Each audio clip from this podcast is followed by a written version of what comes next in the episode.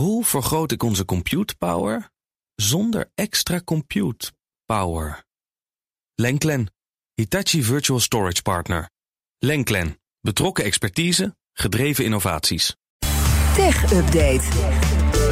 Met Stijn Goosens. Hey Stijn, goedemiddag. Goedemiddag. Na Frankrijk en Nederland onderzoeken nu ook België en Duitsland de iPhone 12. Ja, en het gaat dan allemaal over die te hoge straling. Ja, klopt. Gisteren, na, uh, een dag na de presentatie van de iPhone 15, mooi getimed, legde Frankrijk een ver, verkoopverbod op voor de inmiddels drie jaar oude iPhone 12. Die iPhone zou namelijk een, inderdaad een te hoge elektromagnetische straling uitzenden. Dat wordt aangegeven met een zogenaamde SAR-waarde, een Specific Absorption Rate. En die geeft dan aan hoeveel straling van een apparaat door het lichaam wordt geabsorbeerd. In de EU is die maximale SAR op uh, 4 watt per kilogram mm. vastgesteld. En volgens de Franse autoriteiten ligt dat bij de iPhone 12 op 5,74 watt per kilogram.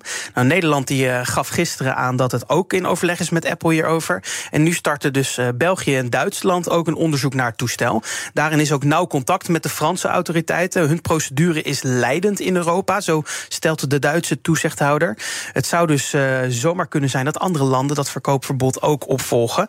Apple verkoopt de iPhone 12 sowieso al niet meer. Die is namelijk nu al drie jaar oud. Maar ja, in Frankrijk die wil dat de iPhones ook uit andere winkels gehaald worden, waar die nog wel verkocht wordt. En Frankrijk wil dat het probleem vanuit Apple wordt opgelost, eventueel met een software-update uh, of met eventueel zelfs een terugroepactie.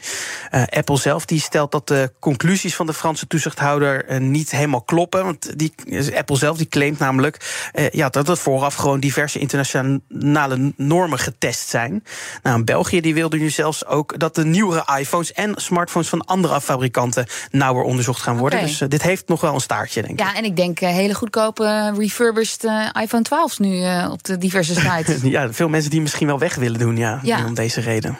Ik heb hem nooit gehad, daar ben ik blij mee. Ja, je weet het nooit. De autoriteit persoonsgegevens uit zijn zorgen over AI-chatbots die gericht zijn op kinderen. Ja, de AP die geeft aan dat het een techbedrijf gevraagd heeft om meer te vertellen over wat ze met de informatie doen die mensen delen met zo'n AI-chatbot.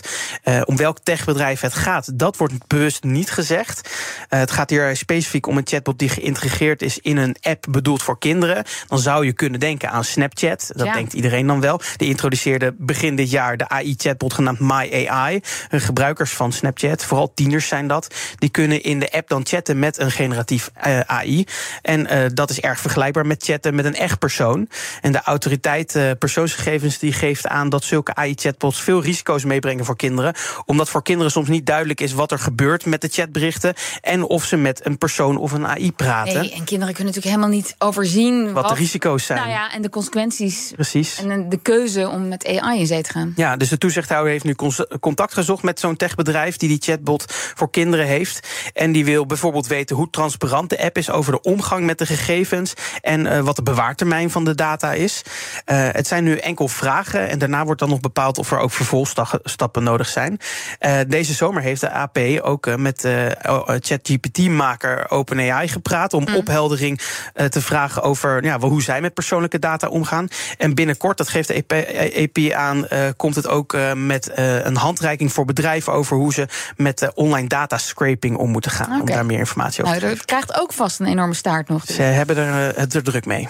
Over OpenAI gesproken, dat gaat een eerste kantoor in Europa openen. En die komt in Dublin. Natuurlijk. Natuurlijk, ja. Dat is uh, het derde kantoor van de ChatGPT-maker. Uh, de eerste die staat in San Francisco, dat is het hoofdkantoor. En in juni kondigden ze ook een tweede kantoor in Londen aan. Ja, Dublin is een logische keuze. Daar zitten veel techbedrijven, ook met een Europees kantoor. Dat komt vooral omdat Ierland ook redelijk gunstige belastingen heeft. Uh, ja, volgens CEO Sam Altman wil OpenAI met dit nieuwe kantoor Europa ook beter gaan begrijpen.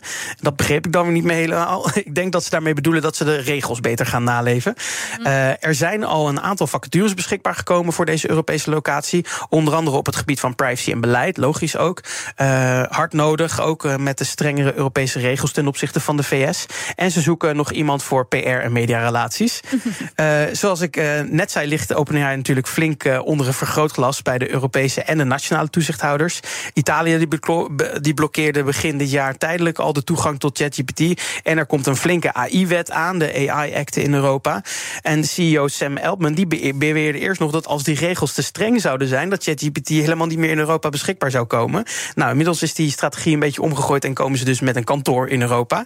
Uh, ja, hoe dat verder gaat lopen, dat uh, gaan we ontdekken. Ja, het was, en, en Dublin is ook zo populair omdat daar de toezichthouder wat milder is. Hè, over ja, het algemeen. Dus vooral, die heeft volgens mij maar twee medewerkers. dus ja, daardoor word je automatisch mild. Uh, ja. ja. voor het land zelf dan, toch? Want uiteindelijk moeten ze zich aan de Europese wetgeving gaan. Ja, maar dat loopt dan wel weer via die Europese, via die toezichthouder in Ierland. Oh, die dus... heeft daar dan de macht over. Ja, nou, uiteindelijk gaat het weer via de toezichthouder in je land zelf. Strategische zet. Dankjewel, Stijn Gozens. De BNR Tech Update wordt mede mogelijk gemaakt door Lenklen. Lenklen. Betrokken expertise, gedreven resultaat. Hoe vergroot ik onze compute power zonder extra compute power? Lenklen. Hitachi Virtual Storage Partner. Lenklen. Betrokken expertise, gedreven innovaties.